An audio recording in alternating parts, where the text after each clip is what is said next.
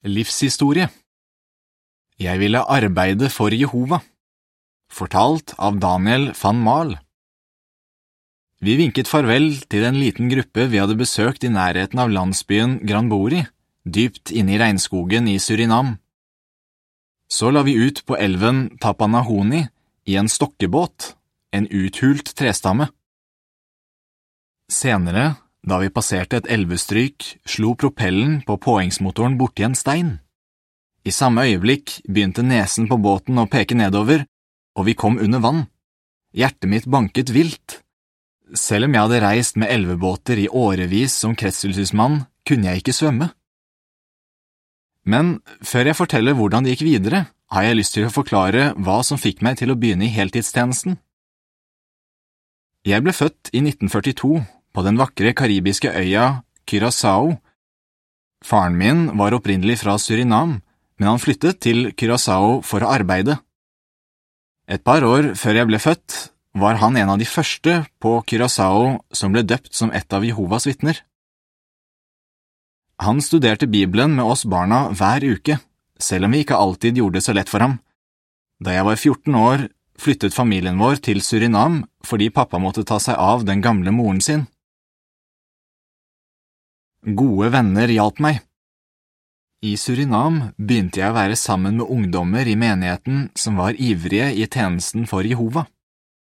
De var noen år eldre enn meg og var pionerer. Når de snakket om alt det de opplevde på feltet, strålte de av glede. Etter møtene pleide vi å snakke om åndelige ting, noen ganger mens vi satt ute under stjernehimmelen. Disse vennene hjalp meg til å finne ut hva jeg ville med livet mitt. Jeg ville arbeide for Jehova, så jeg ble døpt da jeg var 16 år, og da jeg ble 18, startet jeg som pioner.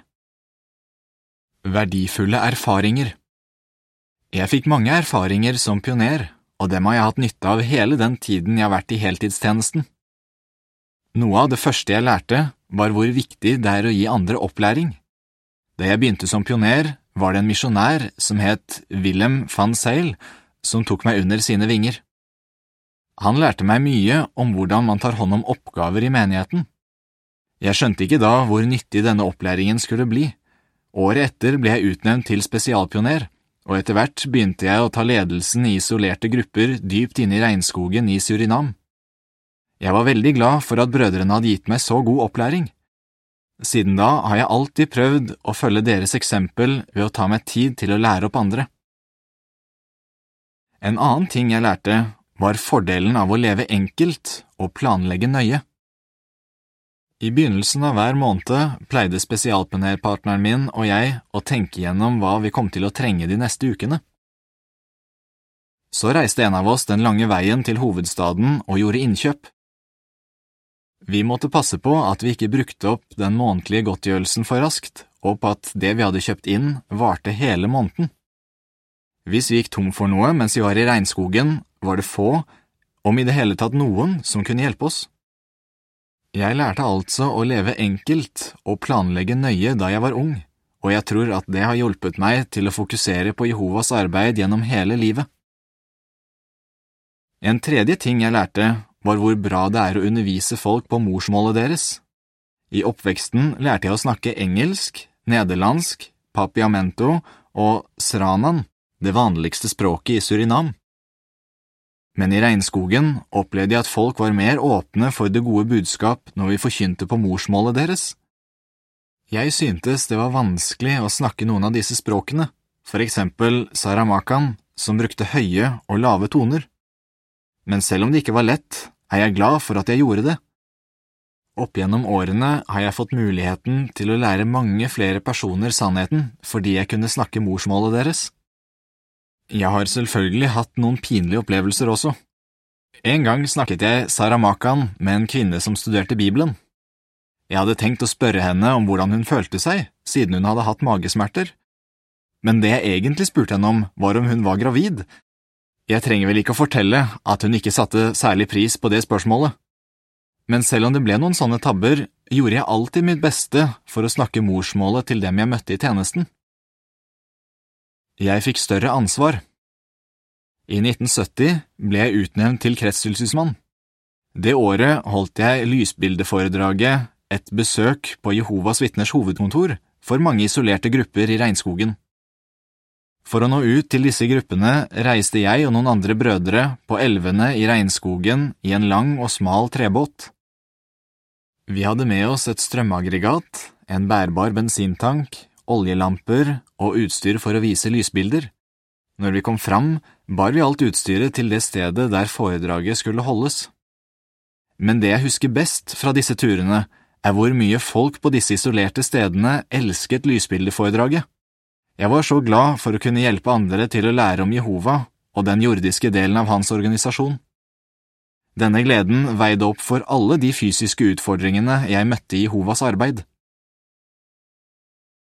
En tredobbel tråd Selv om jeg kunne se fordelen av å være ugift i den tjenesten jeg hadde, ønsket jeg meg en livspartner, så jeg begynte å be konkret om å finne en som ville trives med å være i heltidstjenesten i regnskogen til tross for alle utfordringene som fulgte med. Et år senere ble jeg kjent med Ethel, en spesialpioner med en selvoppofrende innstilling. Helt fra Ethel var ganske ung, hadde hun beundret apostelen Paulus og hatt lyst til å gi av seg selv i tjenesten, akkurat som han hadde gjort. Vi giftet oss i september 1971 og begynte i kretstjenesten sammen. Ethel hadde vokst opp uten mange materielle ting, så det var ikke vanskelig for henne å tilpasse seg reisetjenesten i regnskogen. Når vi skulle besøke menigheter dypt inne i skogen, pakket vi bare med oss det viktigste. Vi vasket klær og badet i elvene. Vi ble også vant til å spise alt vi ble servert av dem vi bodde hos, iguaner, pirajaer eller hva som helst annet de hadde fanget i skogen eller fisket i elvene. Når det ikke fantes tallerkener, spiste vi fra bananblad, og når det ikke fantes bestikk, brukte vi fingrene. Ethel og jeg føler at det vi har ofret i vårt arbeid for Jehova, har hjulpet oss til å bli en sterk tredobbel tråd. Vi ville ikke ha byttet bort disse opplevelsene mot noe annet. Det var mens vi var på vei tilbake fra et isolert område i skogen at vi opplevde det jeg fortalte om i innledningen. Da båten kom inn i strykene, forsvant den under vann, men steg raskt opp til overflaten igjen. Heldigvis hadde vi på oss redningsvester, og vi falt ikke ut av båten. Men båten hadde blitt full av vann. Vi tømte innholdet i matboksene våre ut i elven og brukte så boksene til å øse ut vannet. Siden vi ikke lenger hadde noe mat, begynte vi å fiske mens vi fortsatte nedover elven men vi fikk ingenting, så vi ba til Jehova om at han måtte gi oss den maten vi trengte den dagen. Like etter at vi hadde bedt, kastet en av brødrene ut et fiskesnøre og fikk en fisk som var stor nok til at alle vi fem kunne spise oss mette den kvelden. Ektemann, far og kretsfyllelsesmann Etter at Ethel og jeg hadde vært i reisetjenesten i fem år, fikk vi en uventet velsignelse. Vi skulle bli foreldre. Jeg ble glad da jeg fikk vite dette, selv om jeg var usikker på hvordan framtiden vår ville bli. Vi ville gjerne fortsette i heltidstjenesten hvis det overhodet lot seg gjøre. I 1976 fikk vi en sønn, Ethniel, og to og et halvt år senere fikk vi en sønn til, Giovanni. Fordi behovet i Surinam var så stort, sørget avdelingskontoret for at jeg kunne fortsette i kretstjenesten samtidig som vi oppdro barna våre. Mens guttene var små, tjente jeg i kretser som ikke hadde så mange menigheter. Det gjorde at jeg ofte kunne bruke et par uker hver måned i kretstjenesten, og så var jeg pioner i vår egen menighet resten av måneden. Ethel og guttene var med meg når jeg besøkte menigheter i nærheten av der vi bodde, men jeg reiste alene når jeg besøkte menigheter og var på stevner i regnskogen. Jeg måtte planlegge nøye for å kunne ta meg av alle ansvarsoppgavene mine. Jeg passet på at vi hadde familiestudiet vårt hver uke. Når jeg var ute og besøkte menigheter i regnskogen, ledet Ethel familiestudiet med guttene. Men så ofte som mulig gjorde vi ting sammen som familie. Vi sørget også for å få tid til noen hyggelige fritidsaktiviteter. Vi spilte spill og dro på utflukter.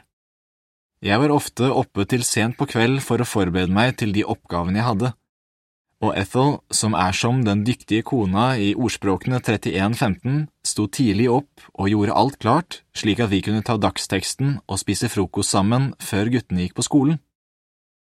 Jeg er så takknemlig for at jeg har en selvoppofrende kone som alltid har hjulpet meg til å ta hånd om de oppgavene Jehova har gitt meg. Som foreldre gjorde vi alt vi kunne for å hjelpe guttene våre til å elske Jehova og tjenesten for ham. Vi ville at guttene skulle satse på heltidstjenesten, men det måtte være deres eget valg. Vi fortalte dem om de gledene man opplever i heltidstjenesten. Uten å legge skjul på utfordringene la vi vekt på hvordan Jehova hadde hjulpet og velsignet familien vår. Vi passet også på at guttene fikk gode venner som satte Jehova først i livet. Jehova har alltid sørget for at familien vår har fått det vi trenger av materielle ting. Jeg gjorde selvfølgelig det jeg kunne for å forsørge familien. Da jeg var spesialpioner i regnskogen før jeg ble gift, lærte jeg å planlegge og bruke pengene fornuftig. Men selv om vi gjorde vårt beste, var det ikke alltid mulig å få tak i alt vi trengte. I de periodene var det helt tydelig at Jehova hjalp oss. For eksempel var det voldsomme uroligheter i Surinam i slutten av 1980-årene og begynnelsen av 1990-årene. I de årene var det ofte vanskelig å skaffe selv det aller nødvendigste, men Jehova dekket behovene våre. Når jeg ser tilbake Jehova har alltid tatt seg av oss og hjulpet oss til å være lykkelige og fornøyde. Sønnene våre har vært en stor gave, og det har vært et privilegium å lære dem om Jehova. Vi er veldig glade for at de også har valgt heltidstjenesten. Ethniel og Giovanni har begge gått på teokratiske skoler og er nå på avdelingskontoret i Surinam sammen med konene sine. Ethel og jeg er godt oppe i årene nå, men vi arbeider fortsatt for Jehova som spesialpionerer. Vi har det faktisk så travelt at jeg ennå ikke har fått tid til å lære å svømme, men jeg angrer ikke på noe. Når jeg ser tilbake, kan jeg med hånden på hjertet si at det at jeg som ung valgte å arbeide for Jehova på heltid, var en av de beste avgjørelsene jeg kunne ha tatt. Artikkelen slutter her.